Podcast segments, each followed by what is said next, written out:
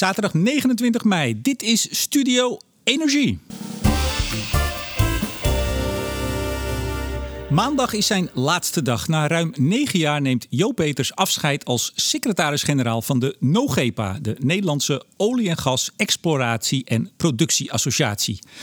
Negen jaar, die begon met de strijd tegen schaliegas, de aardbeving in Huizingen, de Deepwater Horizon en via het Urgenda-fonds, het klimaatakkoord van Parijs, de Europese Green Deal, deze week eindigde met het vonnis in de zaak tegen Shell.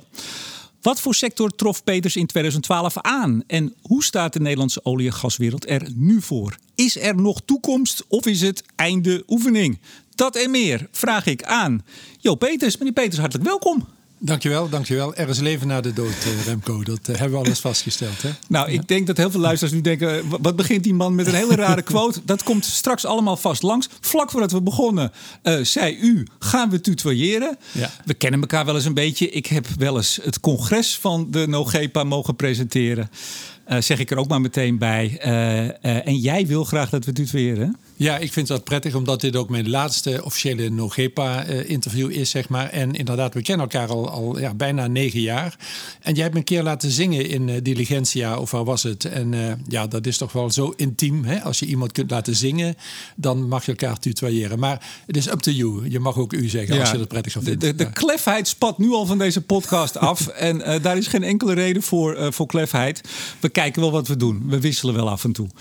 Um, Afgelopen week, we nemen het op vrijdag op, woensdag, de uitspraak in de zaak tegen Shell. Ja. Uh, wat dacht u, meneer Peters? Ik, uh, dit, is dit is tijd om er vandoor te gaan. Um, ja, was een interessante uh, uitspraak. Ik was er wel verbaasd over, moet ik zeggen. Ja, over, over de uitspraak zelf komen we straks nog. Ja, ja, we, hebben, ja, we hebben zeker een uur. Nee, ja, ik dacht al, gewoon een interessante uitspraak waar we veel mee kunnen doen. Dat is wat Ja. ik dacht. En, uh, daar Dit ik- was eigenlijk een opstapje voor u om te zeggen: nee, mijn afscheid stond al heel lang vast, had niets met Shell te maken. Of ja, ik kies het hazenpad. Goede, ti- goede timing, hè? Ja, ja, ja, ja, ja. Maar even serieus, want die datum stond natuurlijk een tijdje vast voor dit afscheid. Maar we wisten ook al heel lang dat die uitspraak kwam. Is het toch misschien ook, ook voor jezelf een soort symbolische, echt een soort eindpunt? Ehm, nee, die twee dingen hebben absoluut eh, niks met elkaar te maken. Mijn afscheid trouwens eh, ben ik eh, twee jaar geleden beginnen te plannen. Eh, die is de, eh, eh, door COVID is het wat uitgesteld geworden. Want ik, ik wou eigenlijk een jaar eerder weg. En toen is mij gevraagd toch te blijven en niet midden in een crisis te vertrekken. Vandaar dat het nu plaatsvindt. En het duurde even om een, een goede opvolger te vinden. Daar kunnen we straks ook nog even over hebben. Maar staat helemaal los van de, van de zaak tegen, tegen Shell. Ja, want je, ja. je, je bent ook de laatste secretaris-generaal. Een Ja, functietitel die ik nooit begrepen heb. Waarom in hemelsnaam iemand secretaris-generaal moet heten. Maar misschien horen we dat straks nog. Daar is het einde. De, eh, als dit de, de ether ingaat, dan is het al bekend. Dus we kunnen het nu zeggen. Er komt een externe voorzitter en een directeur. Die is er al. Arendo eh, Schreurs, Ja. uiteraard.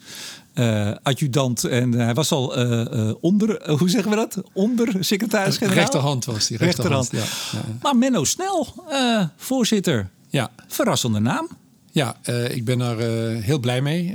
ook trots op een opvolger als Menno te krijgen. Ehm, ja, energietransitie eh, behoeft versnelling. En Menno is iemand die de volgende boost kan geven aan de olie- en gasindustrie om echt eh, de versnelling van de energietransitie te bewerkstelligen. En ehm, eh, nou, ik heb het wel eens zo gezegd. Ik ben met de hele club van de aarde naar de maan gevlogen. En Menno gaat nu verder naar, naar Mars. Hè, want er is, is heel veel nodig. En eh, op een gegeven moment is, eh, is snelheid eh, heel erg belangrijk. En voortaan schrijven we snel bij Nogepa dus met de hoofdletter. Oh, ik was er al zo bang voor voor deze grap. Maar even, de, de man heeft, eh, eh, heeft helemaal niets met olie en gas. Het is een, een bankenman. Altijd in het eh, monetaire systeem gezeten. In Washington volgens mij nog. Internationaal Monetair Fonds. Ja, Is er geen, geen kennis vereist? precies het goede profiel. Want ik wist ook helemaal niks van upstream toen ik eh, bij Nogepa begon. Ik kom weliswaar van Shell, maar ik heb altijd in de downstream gezeten in de chemie en katalysatoren. En dus inhoudelijk is gewoon een scherp verstand belangrijker dan, dan de inhoud zelf. Want kijk, eh, de technische zaken, er zijn zat mensen die die kunnen doen. Het is meer hoe je het eh, gaat presenteren en welke strategische leidraden je eruit kunt formuleren. En dat kan Menno ongetwijfeld heel erg goed. Bestaan er overigens mensen in Nederland in de olie- en gassector die nog nooit voor Shell hebben gewerkt? Eh, ja, geen goede geloof ik. Nee, maar echt, hè? Je, dat is natuurlijk ook wel vaak het verwijt dat uh, Shell-mensen uh, overal zitten. En dan wordt er vaak al snel een, een soort ja. sterke hand op de achtergrond, uh, et cetera, verwacht. Maar het is wel een feit, hè? Je, is, je kunt, ja. Iedereen heeft wel ooit eens een keer bij Shell gewerkt. Uh, heel veel mensen in de energiewereld uh, hebben wel eens bij Shell gewerkt. Tenminste, ik kom er heel veel tegen. En uh, dus heel veel oud-collega's. En ja, dat is zo. Shell is natuurlijk heel groot in de wereld. En dus zeker in, in, in Nederland. Ja. ja. 30 jaar bij Shell ongeveer? 28 en een half of zo. Bijna 30, ja. Kijk eens aan. En als laatste site manager van het technologiecentrum ja. in Amsterdam. Inderdaad iets heel anders. Toen wel ooit eens van Nogepa gehoord? Nou, gehoord wel, maar daar, daar, daar hield het dan ook op. Uh, wat ik al zei, hè, het was een downstream uh, gebeuren. En uh, nog geen paar upstream. We hebben, even, dus... we hebben heel veel luisteraars, ook jonge luisteraars, die nog niet zo thuis zijn in de olie- en gaswereld. Ja. Toch voor één keer even, voor de, voor de laatste keer, wat is het verschil tussen upstream en downstream? Ja, upstream zijn dus de mensen die olie en gas winnen. Dus die de boringen doen en, en de productie van het gas. En downstream zijn de mensen die het verwerken in raffinaderijen om er benzine, kerosine en zo van te maken. En, en plastics en, uh, en noem maar op in de, in de chemische takken. Van, ja, dat is een hele harde knip hè, in de olie en gas. Het is best een uh, harde knip, uh, jazeker. Ja. Ja. Maar, maar toen uh, was je begin 50. En, en hoe gaat het dan? Zeg, joh, dit is een leuke baan. Of ging je zelf solliciteren? Hoe werkt zoiets? Nee, ik stond op een punt dat ik uh, andere dingen wilde gaan doen in het leven. Toen ik was 52 jaar, ongeveer uh, precies 10 jaar geleden. Uh, had veel in het buitenland uh, gezeten, had een, een, een, voldoende pensioen om, om uh, zelf keuzes te kunnen maken wat te doen. En toen ben ik gestopt en heb ik voor mezelf de criteria gedefinieerd. Als ik nog iets ga doen, moet het leuk zijn en maatschappelijk relevant. Ik ben toen statenlid geworden voor D66 in de provincie Utrecht. Vond ik ook heel leuk om te doen. Echt waar? Uh, tot een keer. Ja, was dat leuk? komen we zo meteen op terug.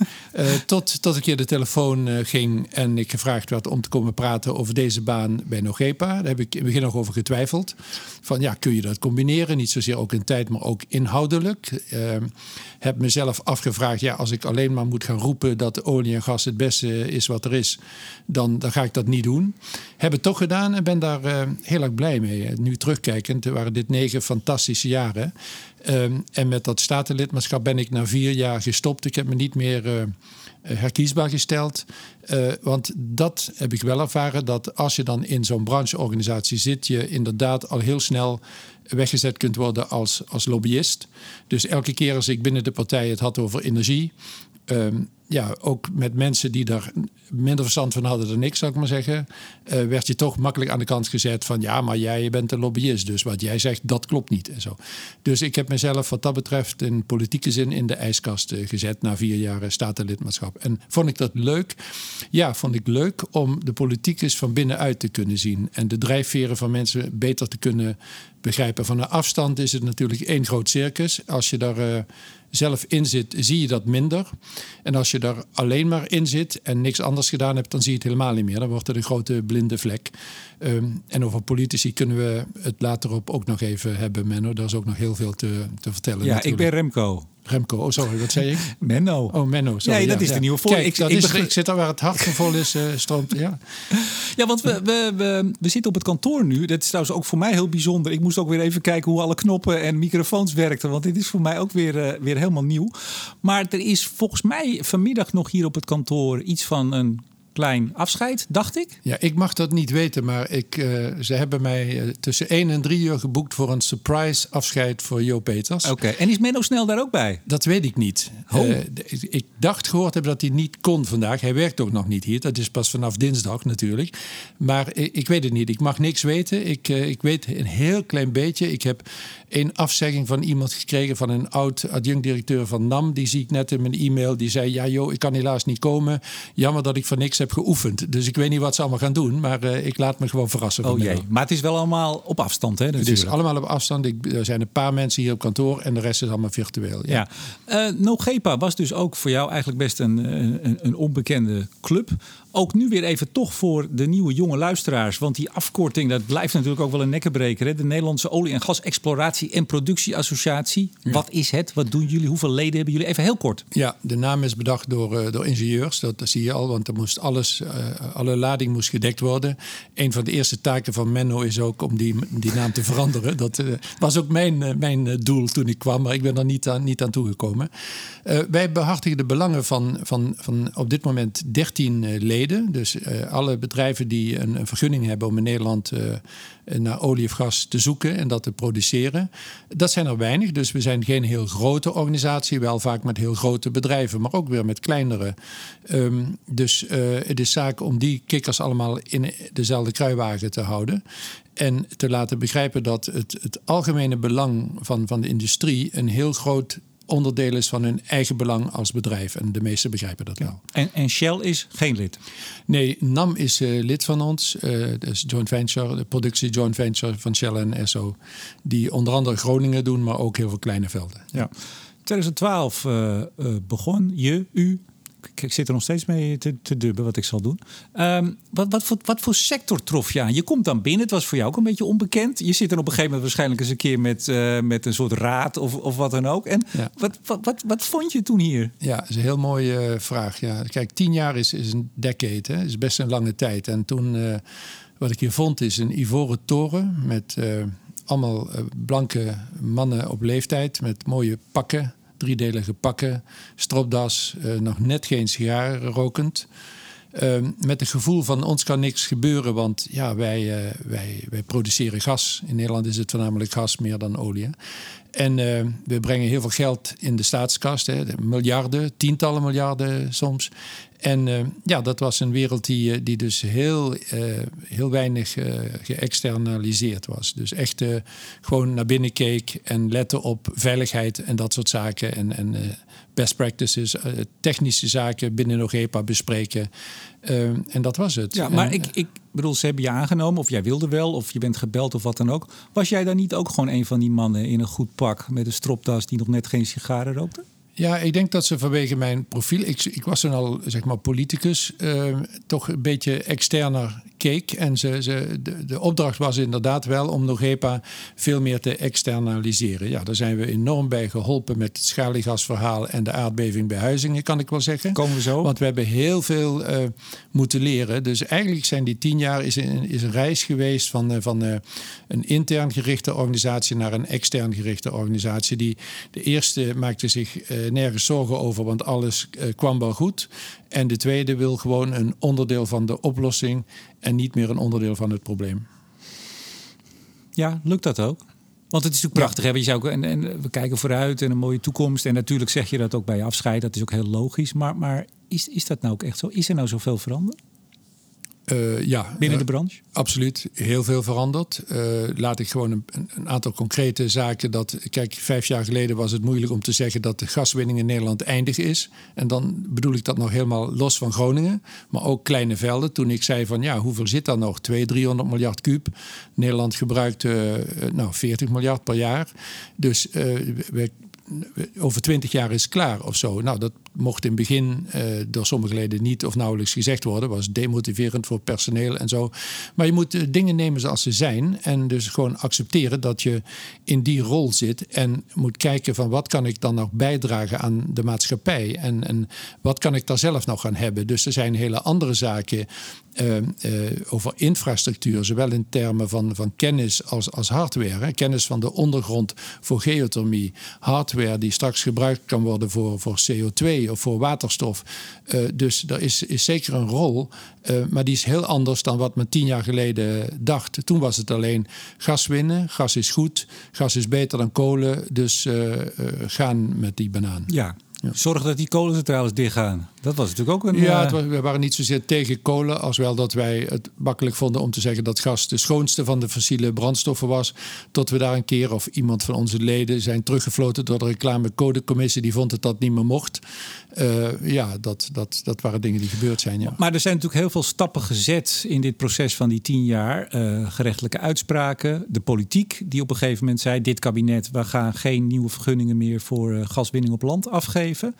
Dus het is, het is niet zozeer dat het uit de leden natuurlijk zelf kwam. Die dachten, nou, dat, dat gaat lekker recht zo die gaat. En toen kwamen er allemaal uitspraken en politieke beslissingen en rechters aan te pas. Hoe is dat verwerkt? Is dat verwerkt?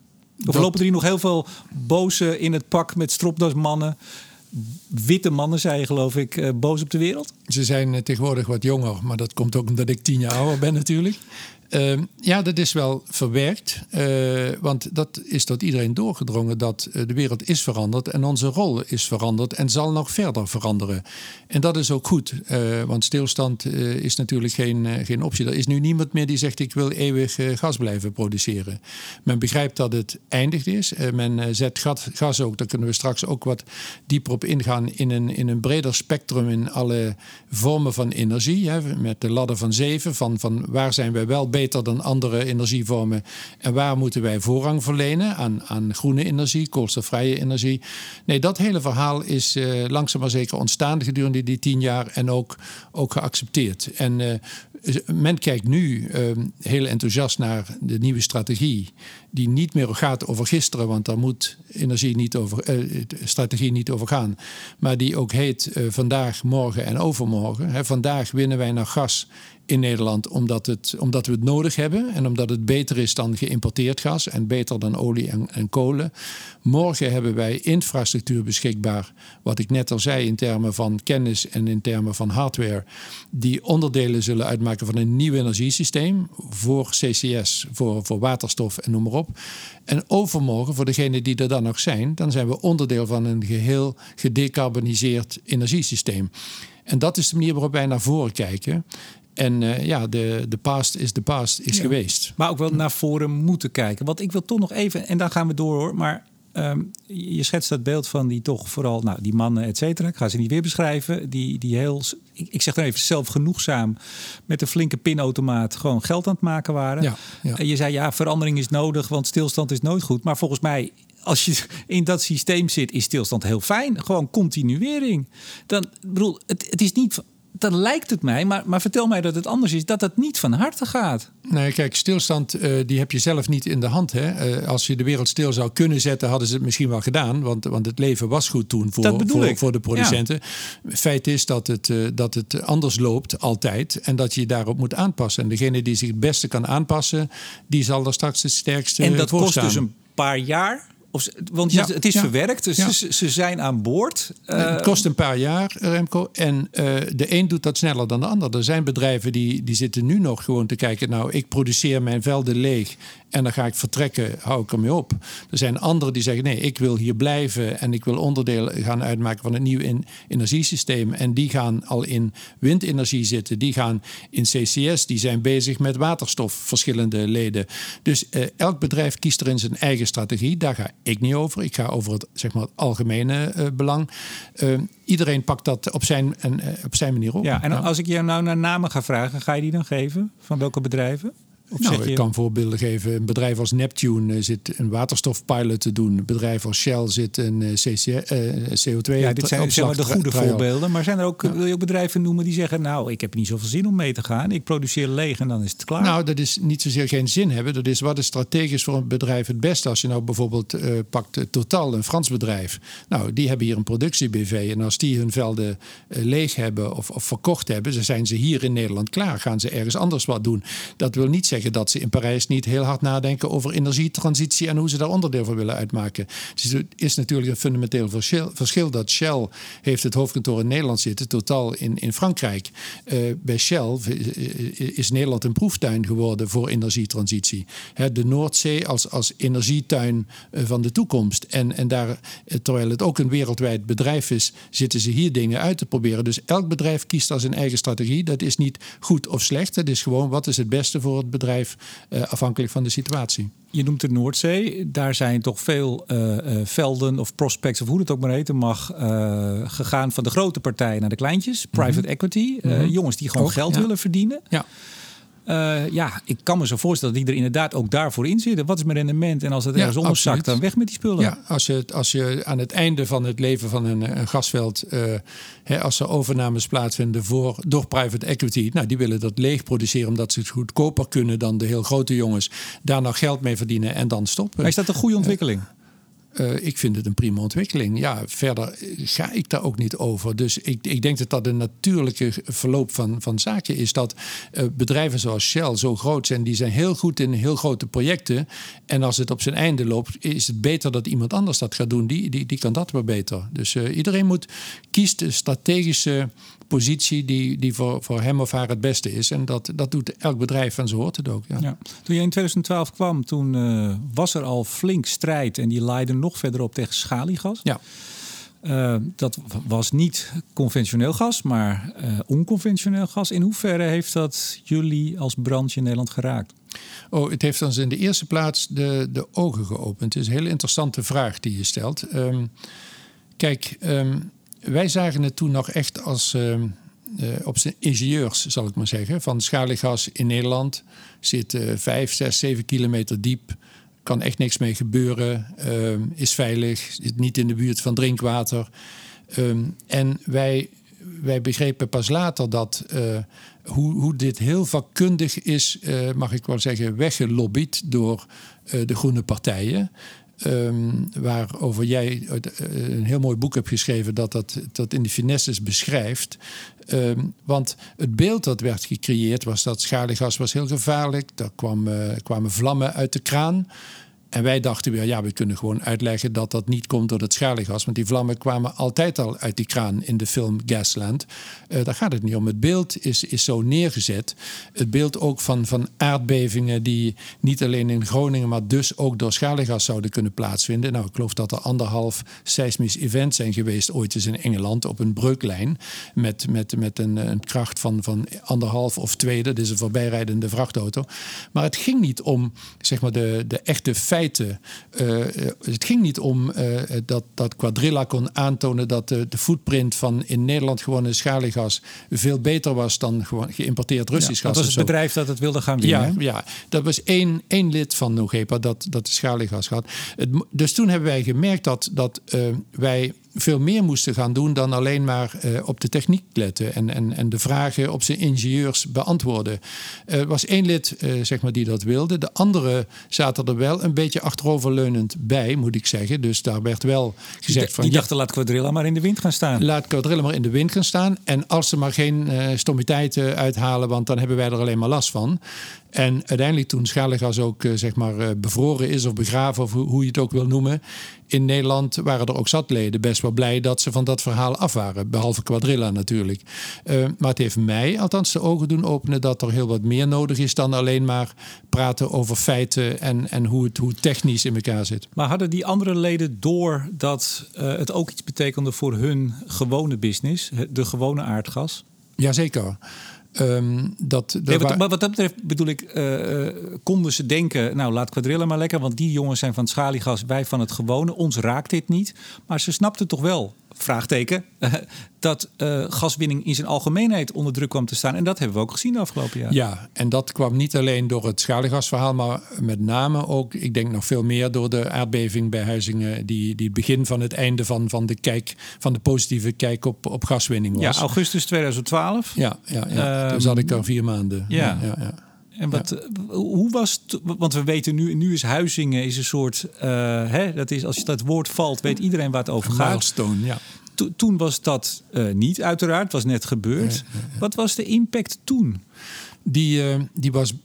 En dat was een grote fout. Die was intern bij Nogepa best wel klein. Ik kreeg de dag of zo nadat het gebeurde een telefoontje van NAM. die zei van ja, Jo, als je vragen krijgt over de aardbeving, niks over zeggen. Wij regelen dat. Wij doen het allemaal zelf. En Nogepa gaat ook over alles behalve Groningen. Dus alleen maar over de, de kleine velden, zeg maar. En uh, die, die impact is toen door iedereen, niet alleen door NAM, maar ook door, door alle andere leden, uh, best wel onderschat. Want, Want er, is... er, waren al jaren bevingen. Hè? Want we doen nou net vaak uh, in de overlevering alsof dat de, de, de, klap was. Maar het was eigenlijk een optelsom van ontevredenheid, boosheid, schades, et cetera.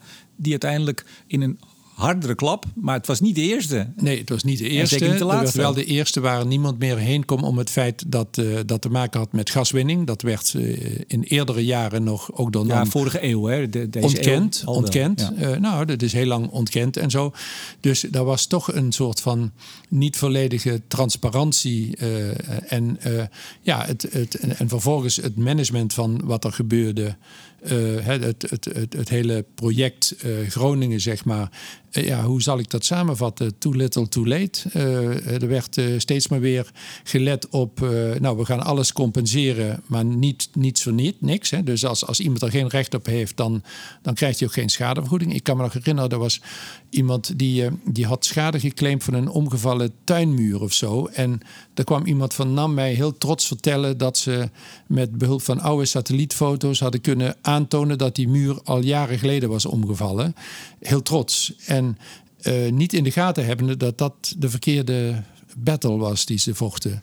Dus uh, too little, too late en uh, niet volledig transparant. En dat heeft een hele ommekeer bewerkstelligd, veel meer nog dan schaliegas, in de kijk op gas. Hè. We hebben nu te maken, als je kijkt naar gaswinning op land, uh, ongeacht onze gedragscode die we hebben opgesteld. Maar in, de mensen in Woerden zeggen ook van wij willen geen gaswinning, want wij willen geen Groningse toestanden. En dan kun je weer als ingenieur gaan uitleggen, ja, maar dat is heel iets anders en zo. Nou, dat hoef ik jou niet uit te leggen. Um, het beeld is, is gecreëerd en uh, van dat beeld uh, heeft de sector heel veel last, maar ook de energietransitie zelf. Want de, de polarisatie over gaswinning is, is ook soms een rem op, op de vooruitgang van de energietransitie. Ja.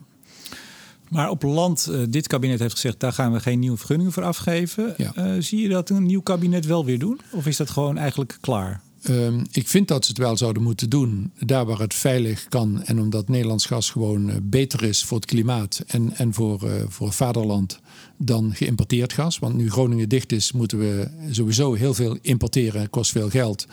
Dus dit, dit zou verstandig zijn. Alleen of het maatschappelijk aanvaardbaar is en of uh, de politici het risico zouden durven nemen, uh, dat, is, dat is vraag twee. En, nou, geef eens, geef eens het antwoord. Nou, het antwoord zal ik uh, geven met, met een, een, quote die ik zelf uh, meemaakte in, in de provincie Utrecht als statenlid, waar mijn eigen gedeputeerde zei van nee joh, ik wil hier geen schaliegaswinning, ook geen onderzoek. Ik uitleggen waarom dat wel goed zou kunnen zijn. Nee, ik wil gewoon geen gedonder, punt. Um, en ja, dat is een politicus die, uh, die vier jaar vooruit kijkt en, en daar niet, niet, verder, uh, uh, niet verder over hoeft te denken. Ja. Dus ik, we wachten af wat het nieuw kabinet zal vinden. Maar het, het, het, het, laatste, of een van de laatste IEA-rapporten, wanneer was het twee weken geleden? Net Zero, hè? Ja. wat vertaald is in de media als zelfs hun eigen club, zo wordt het IEA toch meestal gezien, uh, van, van de, ja, toch een beetje de fossiele kant. Hè? Ik ja. zeg het ook wel kort. Uh, die zegt ook niet meer doen. Dat is volgens mij staat iets anders. Ze hebben me het scenario laten zien van als we die anderhalf graad echt willen halen, dan zou je nu toch echt moeten gaan stoppen. Maar dat is vertaald met nu stoppen. Ja, kijk, dat is wereldwijd ook uh, voor een groot deel waar. Hè, want er is uh, genoeg voorraad. Alleen de, de, het, evenwicht tussen als je te vroeg stopt met investeren, dan heb je straks misschien een tekort aan energie. Want we kennen de toekomst nog niet helemaal precies. Als je te laat doet, dan blijf je met, met assets zitten die, die niks meer waard zijn. Beide is niet goed. En dat is een heel, heel fragiel evenwicht. Kijk, nog Nogepa gaat over Nederland. En in Nederland voldoen wij aan wat uh, de, de, de, de, mensen in Parijs uh, vertellen. Want, zei ik net al, het gas is bijna op. Over twintig jaar zijn we klaar. Het feit dat Groningen blijft zitten, dat die nu dicht gaat, daarmee blijft twee derde van wat we nog in totaal in Nederland hebben, blijft ook in de grond zitten. Dus wij zitten ook in termen van koolstofbudget en zo goed. Twee derde? Uh, Misschien een derde? Is niet met je Nee, ja, Groningen, wat zit daar nog? 800 of zo? Ja. Uh, ja, en daar zitten nog een paar honderd in de, onder de Noordzee. Dus dat, dat is toch uh, ja. Meer ruimte. Het merendeel blijft gewoon in de grond zitten. Dus ook daar voldoen we aan. Alleen de komende jaren, zolang we nog gas gebruiken... en het probleem is dat heel veel mensen het, het gebruik en het produceren over één kam scheren. Zolang we nog gas gebruiken is gewoon slim om dat met eigen gas te doen omdat dat eh, minder slecht is voor het klimaat dan, dan geïmporteerd gas. Maar, ja. maar kunnen wij hier met z'n tweeën op vrijdagmiddag, uh, overigens je hebt geen pak aan, geen stropdas, uh, je zit er ontspannen bij volgens mij, ja. vaststellen dat nieuwe opsporingsvergunningen en winningsvergunningen, nieuwe, zeg ik nadrukkelijk, op land, dat het in Nederland niet meer gaat gebeuren? Nee, zover wil ik niet gaan. Dat is, uh, is aan het nieuwe oh, ik, kabinet. Ik wel. Ja, nee, dat mag. Dat ik denk dat het niet meer gaat gebeuren, namelijk. Nee, dat, Los van of het goed of slecht is, dat gaat in Nederland niet meer gebeuren. Ik zie, je ziet geen kabinet dit nog uh, een groen licht geven. Uh, we zullen afwachten. Ja. We gaan naar zee. Dat is een ander. Ja. Je kijkt ook meteen iets, iets opgeluchter nu. Um, op, want daar wordt eigenlijk meer gewonnen dan op land, hè? Um, ja, afgezien van, van Groningen, maar Groningen gaat ja, dicht. Ja, van Groningen. Het Berendeel zit nu op zee. Uh, daar zijn we heel blij dat we in staat zijn geweest uh, een, een, een Noordzeeakkoord te sluiten met, met met uh, vijf NGO's, met de visserij, met, met, uh, met uh, natuurorganisaties. Met de visserij? Ook, ja, de visserij. Die zijn toch boos? Die zijn boos. Kunnen we zo meteen nog even. Nee, diep, laten we die meteen maar even doen. Ja, wacht even. De vissers even zijn, zijn heel boos. De stakeholders, even de stakeholders wel noemen. De windsector was erbij, vier ministeries. Dus een heel breed akkoord dat maakt dat, dat gebeurtenissen op zee, dat die nu ook integraal worden bekeken voordat er besluiten worden genomen. Daar zijn wij ontzettend blij mee. En ehm, uh, gaswinning is één onderdeel daarvan. Voor zover die binnen de doelstelling van Parijs kan plaatsvinden, uh, heeft die dus uh, brede steun. Visserij, ja, jammer dat de vissers niet in staat zijn geweest om met één stem te spreken. Dus er waren meerdere vertegenwoordigers van de visserij. Het is ook een iets minder homogene club dan bijvoorbeeld olie- en gasindustrie, waar we met z'n tweeën, Jan-Willem van Hoogstraat en ik, uh, zaten. Maar de visserij hebben eigenlijk veel meer. Ja, van Hoogstraat van EBN. Van EBN, ja.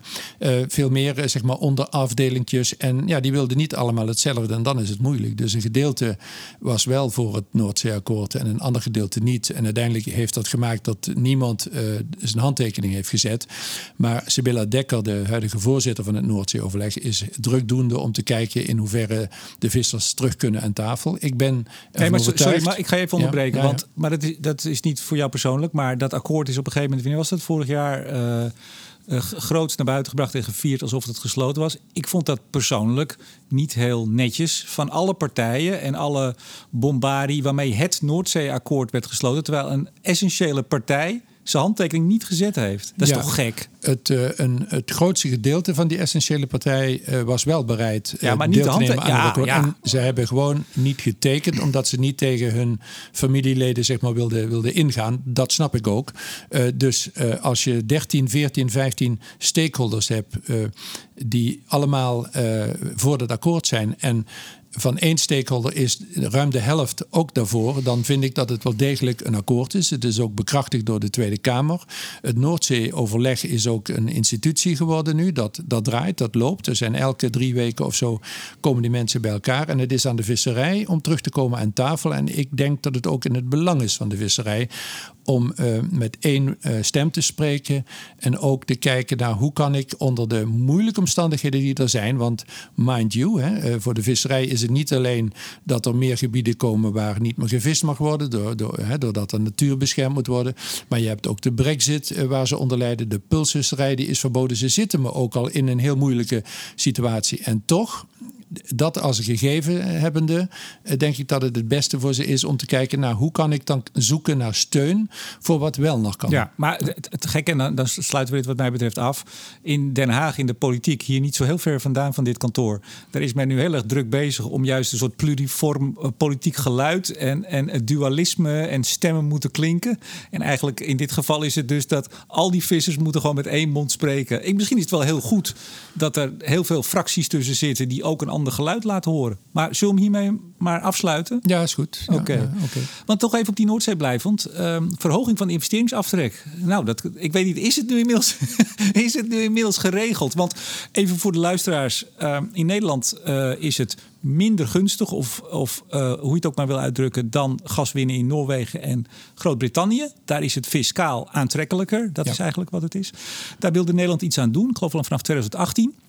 Ja, minister, nog wel veel eerder. Um, nog dus, veel eerder, maar minister ja. Wiebes is daar werk van gaan maken. Daar lag ook een voorstel om het van, geloof 25 naar 40 procent de investeringsaftrek te verhogen.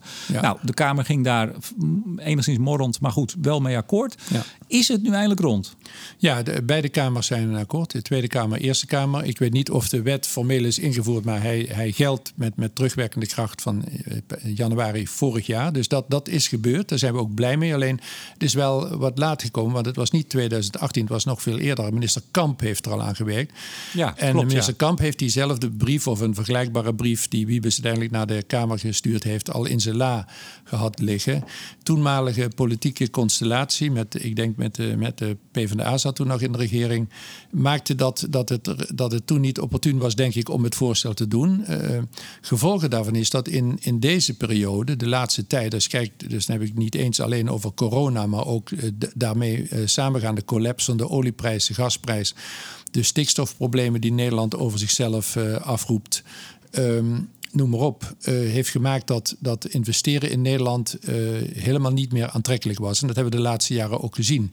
Terwijl het wel voor de BV Nederland het beste zou zijn om dat gas zelf te produceren in plaats van het in Engeland of in Noorwegen of in Rusland te moeten gaan, gaan kopen. Het probleem is dat we aan de ene kant nu heel blij zijn dat die investeringsaftrek is verbeterd.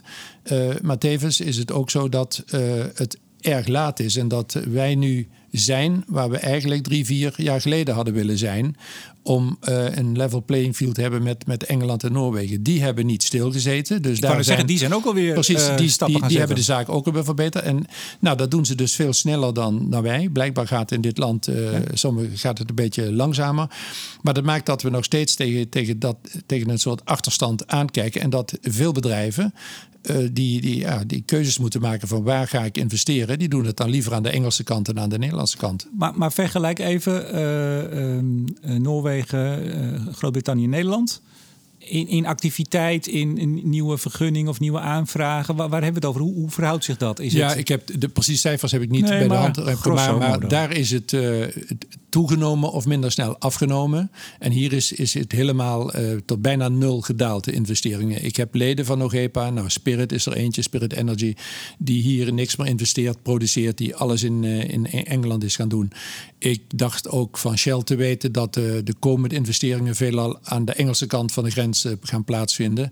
dat zijn allemaal tekenen die, die op duiden dat ja, we, we eigenlijk nog, nog een weg te gaan hebben hier. En dat, nou, prachtig resultaat, investeringsaftrek van 25 naar 40. Maar dat is geen overbodige luxe, want ja, we hobbelen toch weer een beetje achteraan. Ja.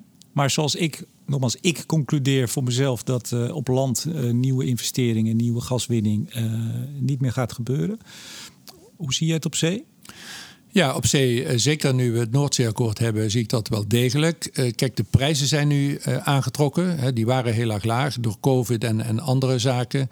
Dus de, de business is beter. En ik zie investeringen weer toenemen, langzaam maar zeker. Met de nadelen die ik net heb beschreven. Dat er ook veel naar Engeland en naar Noorwegen gaat. en het is ook heel belangrijk dat dat toeneemt. Want kijk, we hebben gezegd, onze strategie is dat Nederland baat heeft bij onze infrastructuur in termen van kennis en, en, hardware. Dus als wij straks platforms willen gebruiken om CCS te doen, bijvoorbeeld, dan moeten die er wel nog zijn. En als we te vroeg zouden moeten stoppen met gaswinning omdat het niet meer rendabel is in Nederland, dan, uh, dan is die gap zo groot dat die niet meer te overbruggen is. Dus het is ook belangrijk om, om voor de energietransitie om de gaswinning uh, tot, tot, tot zijn einde door te voeren in, op de Noordzee, zodat we daarna de platforms nodig voor CCS en de pijpleidingen nodig voor waterstof gewoon nog hebben liggen ja. en niet hebben opgeruimd. Maar dat was in 2009 ook uh, het argument van ABN, die toen met ja. een persbericht kwam dat er nog enorm veel gas was, onconventioneel gas, schaliegas. Ja. En dat het belangrijk was om dat te gaan winnen, want dan konden we die infrastructuur in de benen houden. En als we dat niet deden, dan ja, opgeruimd, dan, dan komt het nooit meer terug dat argument heeft toen niet heel goed geholpen. Nee, maar dat, dat ging ook over land met dat schaliegas. Hè. Uh, uh, op zee is het echt zo dat als meerdere platforms gaan uitvallen, dan dat hele clusters eruit gaan en dan valt het hele netwerk in elkaar. Dus dan, het is nu zo dat als je een, een minimaal rendabel uh, veldje hebt, dat kun je aanpikken op, op het leidingwerk dat er nu ligt. En zolang dat er ligt, is dat dan nog steeds rendabel. Als je daar nieuwe leidingen voor moet aanleggen naar, naar, naar, naar de kust en zo, dan is het niet meer rendabel en zal dus ook niet meer gebeuren. Dus het is zaak om, om die gap niet zo groot te laten worden dat straks het opruimen veel eerder begint dan de nieuwe elementen in het nieuwe energiesysteem, zoals CCS en waterstof. Er is, uh, ik ben de datum nu even kwijt. Dat dacht ik vorig jaar een motie aangenomen in de Kamer. Dat was weliswaar niet door de energie- en klimaatspecialisten, maar dat was door, ik dacht, de buitenlandse, buitenlandse commissie. Dat we uh, wat minder uh, gas uit Rusland moesten gaan importeren en meer uit Amerika, bijvoorbeeld. Hmm. Schaliegas. Nee, maar staat Nederland niet al uh, in het standje we gaan het wel importeren? Uh, ja, dat is uh, gedeeltelijk zeker waar. Uh, kijk, ik ga niet over waar dat geïmporteerde gas vandaan komt. Dat is voor mij een, een marktkwestie. en of het nou Amerikaans schaliegas nee, is het gaat even over import versus maar, Ja, je hoort politici regelmatig zeggen van... oké, Groningen gaat dicht, dan moeten we gas gaan importeren. Dat is ook een gegeven, dus dat ga ik ook niet ontkennen. maar dat neemt niet weg dat omdat het zo is... het des te belangrijker is om het gas dat je zelf nog kunt winnen ook daadwerkelijk te winnen. Er zijn ook wel eens politici die heb ik horen zeggen van... nou laten we maar helemaal stoppen met, met gaswinning... want we kunnen het gewoon kopen. Eh, in het buitenland. Ja, dat is zo, maar dat heeft heel grote nadelen. Dat is niet alleen dat je daar geen geld mee kunt verdienen als staat, uh, geen economie mee kunt creëren als staat, dat je uh, niet onafhankelijk bent als staat, maar je moet er ook nog eens voor gaan betalen. Dus dat is wat ze in Texas noemen een double whammy. Ja, maar ik, ik ga je even onderbreken, want en dan zul je ook zeggen dat de CO2-footprint van importgas 25, soms wel 30 procent slechter is dan Nederlands gas. We hebben ook de ladder van 7. Is niet de ladder van Jo eigenlijk? Ja, sommige mensen noemen hem de ladder van Ja, Jo. doe me even ja. heel snel en dan ga ik door. Ja, nou, we, we, toen wij dus... Oh nee, nee, nee, het is te lang nee, verhaal. Nee, nee, hij, hij, hij, gaat echt heel kort. Uh, wij wilden weg van uh, gas is goed en hoe meer gas, hoe beter. Dus we hebben onszelf uh, in het spectrum van andere energievormen gezet. De ladder van 7 is een ladder van 7 treden. De beste, de bovenste is energie efficiency. Van, minder gebruiken. Minder gebruiken. Nou, efficiënter gebruiken. Minder gebruiken is koud douchen in het donker. Dat, dat wil ik niet. Maar een Amerikaans wagenpark in Houston, waar ik lang heb gewoond, en een Amsterdams wagenpark in Nederland, dat scheelt de helft aan, aan benzine. Het isoleren van huizen, noem maar op. Dus energie die je niet gebruikt is de beste energie. Maar vervolgens op de tweede treden met stip groene energie, zon, wind, water. Prima, geven we voorrang aan. De derde treden groen gas, gas gemaakt uit spul dat toch wel CO2 of broeikasgas geworden zou zijn als je het zou laten liggen. Helemaal prima, geven we ook voorrang.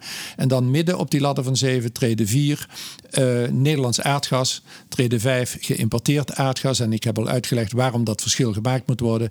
Treden 6 en 7 olie en kolen. Dit is dus de CO2-ladder waarin we zeggen we geven voorrang aan alles wat beter is in termen van CO2-uitstoot.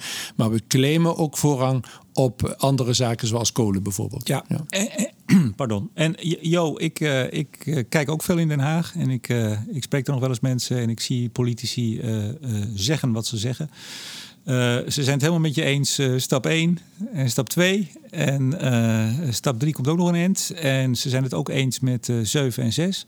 Maar als het gaat over 4 en 5, daar zie ik totaal niet dat er naar de ladder van Jo geluisterd wordt. Nee, er zijn politici, die uh, kom ik ook tegen, die gewoon zeggen: laten we het maar kopen. Uh, en dan uh, zelf stoppen met, met de productie. Die maar, bepaalde partijen ja. zeggen dat.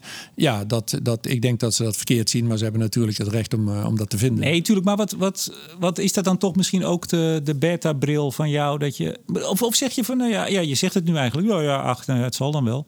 Maar dat moet je toch van binnen. Ik bedoel, nou, nee, je dat wel we hebben, doen? Nee, wacht even. We hebben, kijk, die zijn er wel, die politici. Is eh, op dit moment een minderheid. Het Noordzeeakkoord is gesteund door een overgrote meerderheid in de Tweede Kamer.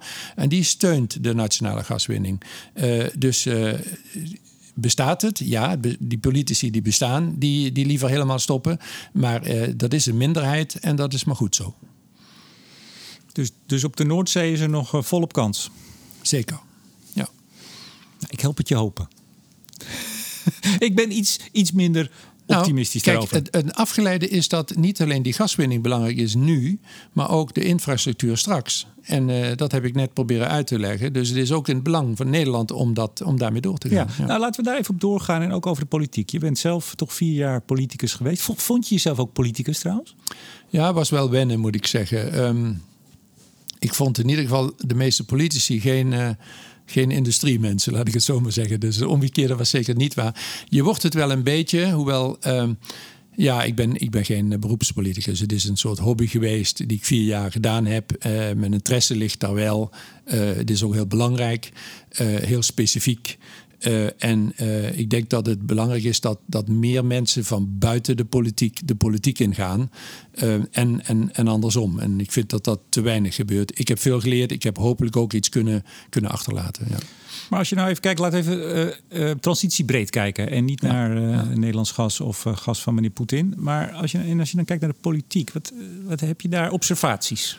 Ja, nee, die heb ik wel. En, um, Dit, het lijkt een afgesproken vraag, maar het is niet zo. Nee, zeker. Um, ja, het zijn niet altijd uh, observaties waar je blij van wordt. Hè? Want ik heb al eens gezegd, in Nederland focussen we veel te veel op dingen die, uh, waar we makkelijk tegen kunnen zijn en, en waar we ons mee kunnen profileren. En dat werkt als een rem op de energietransitie. Als je de voorbeelden ziet van, nou, we bouwen, we, willen allemaal groene energie, allemaal windmolens. Als we die dan op Eiburg neerzetten, dan worden GroenLinks als in één keer net mensen. En dan zijn ze er tegen, want dan kijken ze tegen windmolens aan. Als we een windpark boven Schiermonnikoog bouwen, bouwen dan, uh, dan is dat prima. Alleen dan moet de kabel naar het land. En dan eh, zeggen we na twee jaar studie, laten we nog maar eens twee jaar gaan studeren. Want ja, die kabel die gaat misschien ook wel schade doen. Wij zijn te lang bezig met het perfectioneren van, van de lokale zaak. En vergeten daarbij het grote doel. En ja, dat neem ik politici wel kwalijk. Dat ze profilering zoeken op dingen die, die, die eerder remmend werken. Die hun uiteindelijk misschien wel stemmen opleveren of zo. Maar die remmend werken op de energietransitie. En, en, ik heb nu twee voorbeelden gegeven waar het gaat over windenergie. Met gas is dat natuurlijk nog veel erger. En zonneparken? ja, en zonneparken ook. Um, het is nog makkelijker voor, voor die politici om zich daarin eh, te profileren. Vind ik, vind ik wel jammer. En uh, ja, ik weet ook niet wat je eraan, uh, om, om de volgende vraag al te beantwoorden, ik weet ook niet wat je eraan kunt doen. Het is gewoon een feit dat een politicus vier jaar vooruit kijkt en belang heeft bij, bij profilering. Um, en, uh, ja, je zijn het perfectionering van de oplossing, maar dat, dat is het misschien wel niet. Nou, het is meer uitstel, want als er protest komt, dan wil je de kiezer niet voor het hoofd stoten. En dan zeg je, nou, dan gaan we toch maar weer eens kijken. En... Wij, zijn, wij willen de kiezer niet voor het hoofd stoten, maar we zijn ook bang om fouten te maken, Remco. En ik zeg zo dat als je geen fouten maakt, dan doe je het niet goed. En helaas zijn politici en, en ook ambtenaren die zitten meer in een, in een regime van uh, als ik niks doe, maak ik, zeg niet dat ze niks doen hoor, maar dan maak ik ook geen fout en dan dat is de veiligste weg voor mij.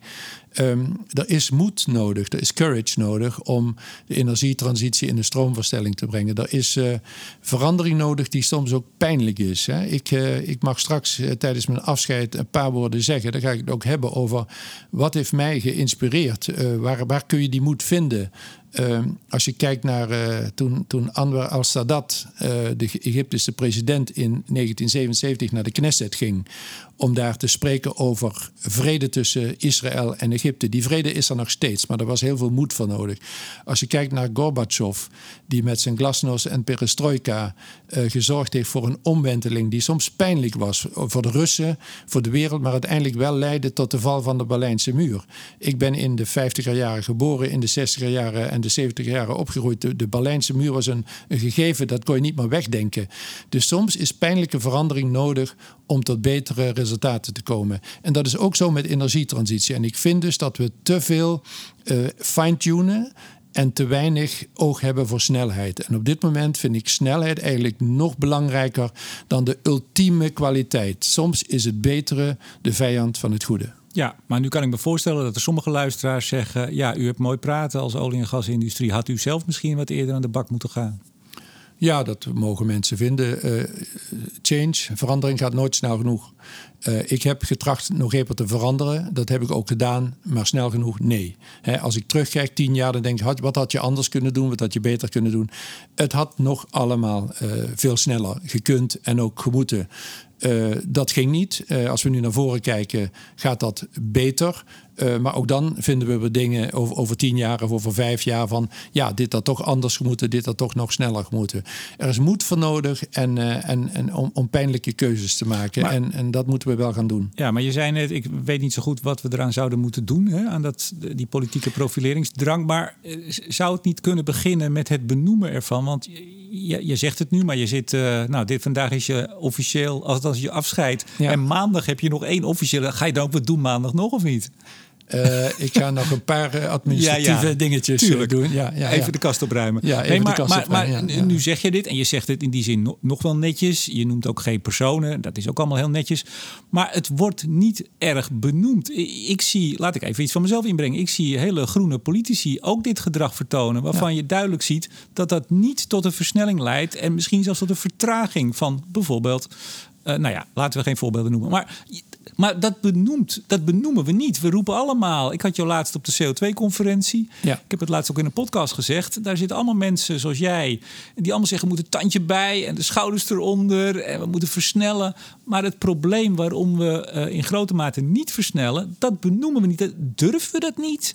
Of waarom benoemen we dat niet? Ja, nee, dat is een goede vraag. Kijk, we hebben het er nu over, dus we zijn bezig het te benoemen. En uh, ik hoop dat de mensen die dit horen, dat zich dan ook in de oren knopen. Want het is wel echt een probleem. Um, alleen, ja, hoe kun je de drijfveren van, van politici veranderen, uh, is, is, is moeilijk. Dus... Uh, uh, Laat de media even erbij halen. Laat, dat is denk ik een belangrijk onderdeel. Media, maar ook bijvoorbeeld toch, uh, als we kijken naar, naar de setup van, van hele ministeries. Uh, laten we een minister van energietransitie benoemen bijvoorbeeld. Die dus echt verantwoordelijk wordt om die transities wel voor de korte als de langere termijn in goede banen te leiden. We hebben nu een staatssecretaris. Die, we zijn al eind op weg. We zijn al begonnen, laten we dat maar zeggen. Maar goed, we krijgen een nieuw kabinet. Maar laten we daar dan een hoofdzaak van maken. Die zich dan ook niet laat afleiden van. Of, of door politici die, die met een vier vierjarige horizon uh, sommige dingen uh, willen tegenhouden. Dat ja, maar is Jo, we hebben nou eenmaal dat we iedere vier jaar een nieuw kabinet kiezen. En we hebben partijen ja, die er soms heel slecht voor staan. En die willen groter worden. En die willen beloftes doen die ze misschien al weten dat ze niet, niet kunnen waarmaken. Moeten we niet met het Engelse model? Uh, een ja. commissie die zegt, nou, eh, en, en, en klimaatwet die ook echt uh, tussendoelen, want dat is natuurlijk ook in Leg die zin het vast een beetje... in een wet en zorg dat het over meerdere kabinetten heen uh, uitgevoerd wordt. Ja, dat is wat moet gebeuren. Maar, ja. En ik heb op die zelfde CO2-conferentie die je noemde gezegd van, nou, dat gaat gebeuren tussen nu en tien jaar of zo. Hè. Het moet eerst nog meer pijn doen voordat men tot de conclusie komt van, ja, dit loopt niet goed, dit loopt te langzaam. Er zullen best nog één of twee kabinetten zijn die, die toch weer het, het, het proberen, maar, maar ook weer een beetje vastlopen. Het moet blijkbaar nog meer pijn doen om dus uh, te komen tot een echte versnelling. Waarbij we dus niet zozeer naar de komende vier jaar, maar naar de komende veertig jaar kijken. Nou ja, het, moet misgaan. Het moet meer misgaan. Het moet duidelijk worden. Want eigenlijk is die negen jaar... Het moet duidelijk worden dat het misgaat. Ja. En, en, zodra dat voor iedereen duidelijk wordt, inclusief alle kranten, et cetera, dan, dan wordt, er, wordt er gehandeld. Ja. ja. Dat is toch wel een treurige, is nog te vroeg. Ja, zeker conclusie. Ja, ja, ja. Ja, soms zijn er wat meer ingenieurs nodig in de politiek misschien. hè? Dat, uh, ja. En ik, ik, ik noem de media. Uh, heb je daar nog een bespiegeling op? Of zeg je van, nou, vind ik prima? Ja, media, daar zie ik twee dingen. Um, Eén is de, de, de, zeg maar de, de, de social media, die, die dus ook de wereld veranderd hebben. Een stuk uh, zichtbaarder gemaakt hebben. Je hebt een Twitter-account, zag ik gisteravond. Ja, ik gebruik het nauwelijks hoor. Ik, uh, ik, uh, ik, nee, ik, heb, ik, ik ga dat misschien weer doen, maar ik gebruik het nauwelijks. Er wordt voor mij af en toe hier vanuit Nogepa wat getwitterd. Zelf doe, ik het, doe ik het weinig. Um, ja, is ook dingen, kan ook heel tijdrovend zijn en kun je ook, je weet ook niet wat waar is en wat niet waar. De grotere media, ja, is daar, daar, die zijn voor iedereen beschikbaar om hun boodschap te maken. Of je nou van links, van rechts, van, van, van, van, van fossiel tot groen uh, komt, uh, zijn altijd belangrijk om zo, zo oprecht mogelijk een, uh, een beeld te schetsen van wat zijn de dilemma's. Ja, en, en, doen ze dat? Schetsen ze een goed beeld van de dilemma's? Ach, gemiddeld doen ze dat. sommige media zijn gekleurd, maar als je alle kleuren bij elkaar kijkt, dan heb je toch weer wit licht, gewoon zonlicht.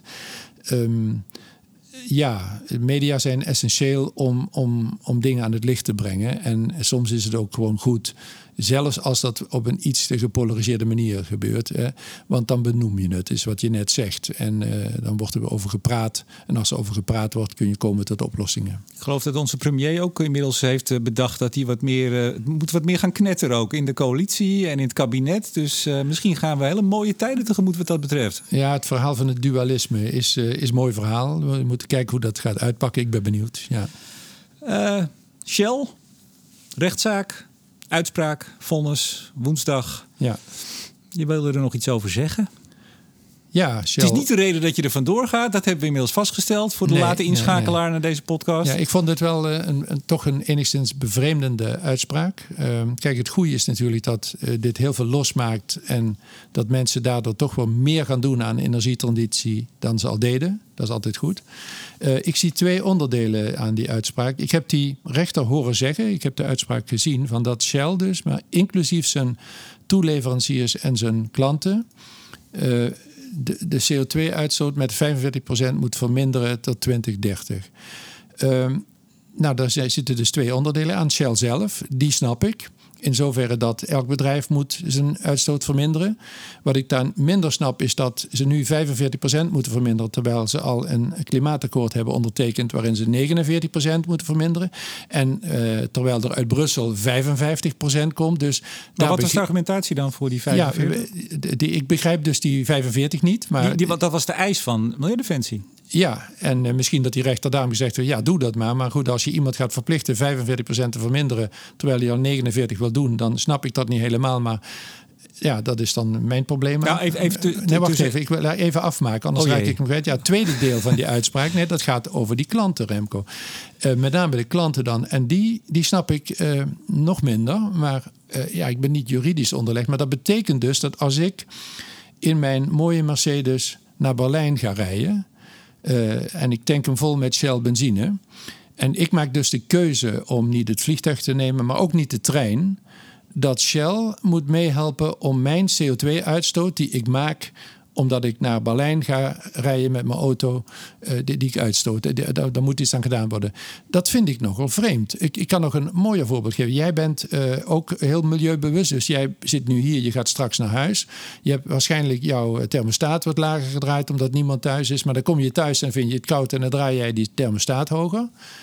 En dan moet Shell dus kijken, want die leveren het gas waar, waar die ketel op draait. Die, die moeten dan kijken hoe die extra CO2-uitstoot die jij veroorzaakt door je thermostaat hoger te draaien, uh, daar moet Shell voor zorgen dat die, dat, die, dat die verminderd wordt.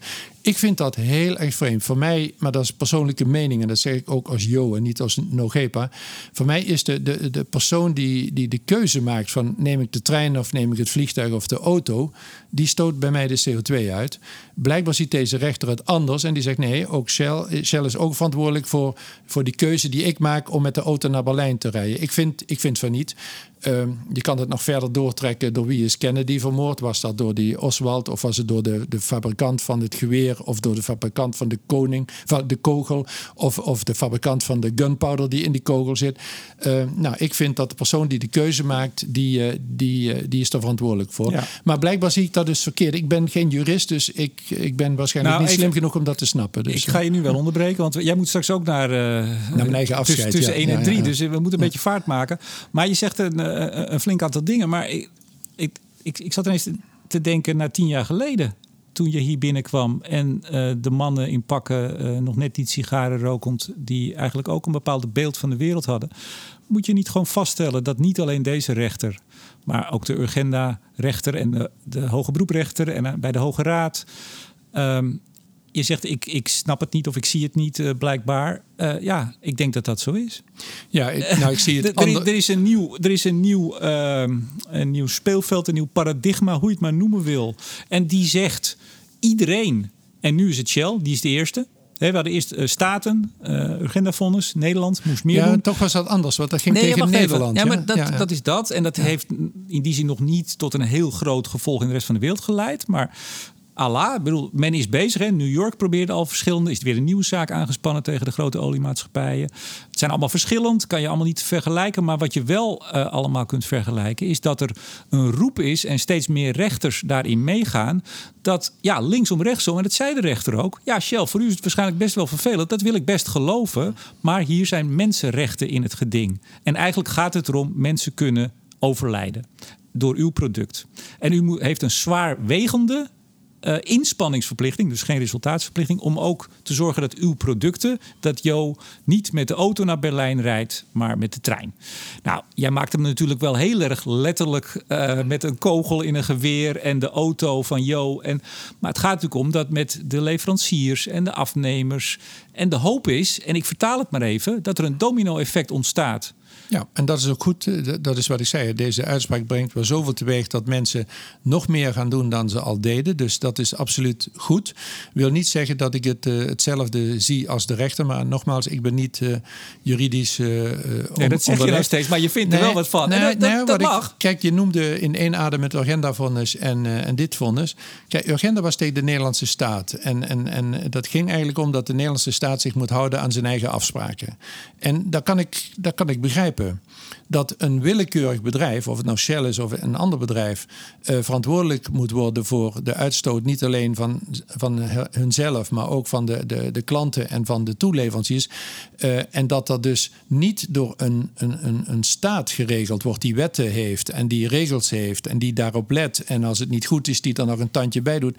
Dat snap ik niet. Dus dat dat via een, een rechterlijke uitspraak uh, op deze manier moet, moet gestuurd worden. Maar weet je, jou, um, volgens mij was het 2016 kwam de transitiecoalitie stond op. Uh, Marjan ja. van Loon ja, ja, uh, van Shell was daar een van de boegbeelden van. Uh, allerlei bedrijven, ook in 2015 en op een gegeven moment VNO-NCW ging meedoen. Hè. de transitiecoalitie wilde een klimaatwet. Er moest meer gebeuren. Bedrijven hebben toen uh, staten nog niet zoveel deden. Want we hebben het hier dus nog voor het klimaatakkoord. Het voortouw dit, dit zit nog. Dit, nou ja, uh, in woord namens het voortouw. Ik wil toch wel even dat verschil maken. Ik heb me toen wel eens verbaasd en ik heb ook wel eens tegen uh, uh, mensen van die bedrijven gezegd, die daar mooi vertelden dat we voor het klimaat en de kinderen veel harder moesten. En Parijs natuurlijk, hè. Parijs was vanaf 2015 het woord. ruim onder de 2 graden, anderhalf liefst. Je moet dan natuurlijk niet raar opkijken, zeg ik dan dat als uh, staten dat laten afweten, dat is nog even de vraag of dat zo is. Maar goed, Europa is een totaal ander perspectief dan de rest van de wereld. Hè? Ja, Ik denk dat zeker, wij ja. kunnen vaststellen samen dat als de Green Deal, als de 55%, als dat lukt, is Europa op de goede weg. Laten we dat dan zo zeggen. Ja. En misschien wel in die zin de beste, beste jongetje van de wereldklas op dit moment. Ja. Maar dat is maar een heel beperkt beeld, beperkt westers beeld. Je moet natuurlijk niet raar opkijken dat als diezelfde bedrijven zeggen: we moeten voor onze kinderen en kleinkinderen naar de anderhalf uh, graden liefst, dat er op een gegeven moment een rechter komt die zegt: ja, maar dan moet u dat nu ook gaan doen. Ja. Dat, ik bedoel, ik, ik snap de logica wel. En dat dit een baanbrekend vonnis is en dat het dat weten we niet, misschien wel geen stand houdt in hoger beroep. Dat zullen we allemaal wel zien. Maar dat de rechters op een gegeven moment nu een hele grote partij... en straks misschien ook nog wel veel kleinere partijen... Ja, ja, en krijg jij, Jo Peters, een nee, koolstofbudget. De, de logica snap ik ook, hè, voor zover het gaat over een eigen uitstoot. En dat doen ze al meer dan ze van deze rechter moeten. Dat is wat ik niet snap. Nou, dat is natuurlijk ook en, niet helemaal en, waar. Hè? Want die 49% van Nederland geldt voor Nederland. Dit is Shell wereldwijd. En dat, dat vind ik zelf een beetje het gekke aan dit vonnis. Dat uh, zoals we eigenlijk in Europa hebben, we zeggen, nou dat doen we samen, alle lidstaten. Uh, en dan mag het een wat meer en wat minder. Maar samen komen we bij de finish. Ja. Nou, daar, daar, uh, daar gaat ons klimaatakkoord en onze doelen fietsen er ook dwars doorheen. Ja, maar die kan ik zien, Remco, dat die sturing die, die werkt. Hè, en dat, dat, er dan, dat je je moet houden aan je eigen afspraken, die snap ik ook. Uh, of dat nou een staat is of een bedrijf. Dus ik kan zelf zien dat een bedrijf zich aan zijn eigen afspraken moet houden. Ik zie dus, wat ik niet zie, wat ik anders zie, is de verantwoordelijkheid uh, voor, voor de uitstoot van klanten en, en toeleveranciers. Het en verantwoordelijkheid, daar... hè? Het is een zwaarwegende nou, inspanningsverplichting. Heeft, nee, dat, dat noemde ze zo, maar ze zei in, letterlijk op tv van de uitstoot uh, van, van, van Shell zelf, van klanten, toeleveranciers, moet, moet, dat geheel moet met 45% naar beneden. En dat is voor mij een streepje te ver. Nou, volgens mij, maar goed, ik ga dit weekend nog een keer het hele vonnis lezen. Um, is het 45% zowel, dus voor, voor de scope 1 heet dat in ja, technische termen, de zelf, eigen ja. uitstoot. Ja. En daar is de verplichting en een zwaar wegende, geloof ik, is het woord, inspanningsverplichting voor uh, leveranciers en, en afnemers. Ja. Nou goed, we gaan het zien. Ik zag, ik zag al wat mensen een beetje. Wij, hebben, wij zitten in een kamer waar wat glazen ruiten zitten. Al een beetje nerveus heen en weer lopen. Ik denk dat we moeten gaan af, afronden. Um, ik had nog zoveel met je willen bespreken. Uh, maar we hebben, ik, ik kijk gewoon even. Jij hebt ook een lijstje. Jij kwam binnen met een lijstje. Nou, daar zijn we wel. wel heb, je, heb je alles een beetje gehad? Ik, heb, uh, ik... ik denk het wel. Ik heb. Uh, um...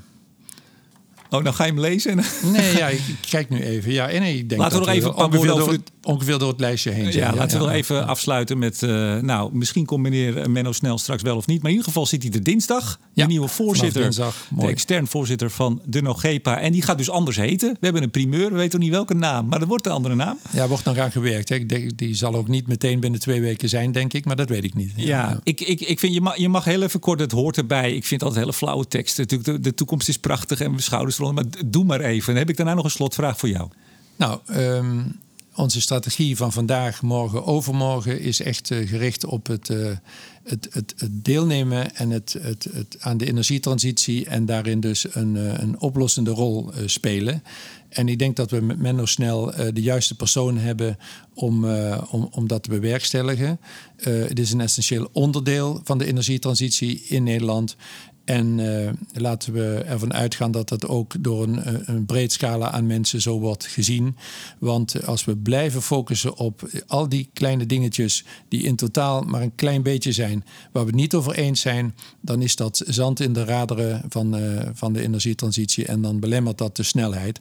En snelheid is nu voor mij nog belangrijker dan de, de laatste verbeteringen van kwaliteit. Ik ga straks roepen, laten we niet wachten op Einstein, want we hebben de wet van Newton al. En die waren goed genoeg om ons naar de maan te brengen. Uh, en als we wachten op de unification van de relativiteitstheorie en kwantummechanica, dan is dat heel interessant. En dan zijn we, kunnen, zijn we bezig met kleine verbeteringen. Terwijl we al genoeg hebben om, om nu de, de, de, handen uit de mouwen te steken. We kunnen CCS gaan doen. we kunnen infrastructuur gaan bouwen voor waterstof. Is allemaal heel dringend nodig. En dat moet nu gaan gebeuren. Ja, wat ga je doen na, na dinsdag? Of na maandag moet ik ja, zeggen? dat is een mooie vraag. Ik heb er dezelfde twee criteria. Ik moet het leuk vinden en het moet maatschappelijk relevant, relevant zijn. En uh, daar voldoet mijn eerste activiteit niet aan, want ik ga echt drie of vier maanden zomervakantie nemen voor het eerst in mijn leven. Mijn dochter gaat trouwen in, uh, in september in, uh, in Californië. daar gaan we dus naartoe. Eigenlijk vliegen we daar vrijdag naartoe, maar we mogen nog niet. Dus misschien dat dat niet doorgaat, dan komt zij even hier naartoe. Maar even een, een heel lange zomervakantie tot, tot 1 oktober of zo. En daarna zullen we wel zien. Maar blijf je wel in, in het veld actief? Uh, alles staat open, Remco. Ik uh, was bezig een boek te schrijven toen ik uh, die baan kreeg bij Nogepa. Daar ben ik mee gestopt. Misschien dat ik dat ga voortzetten. Waar ging het over?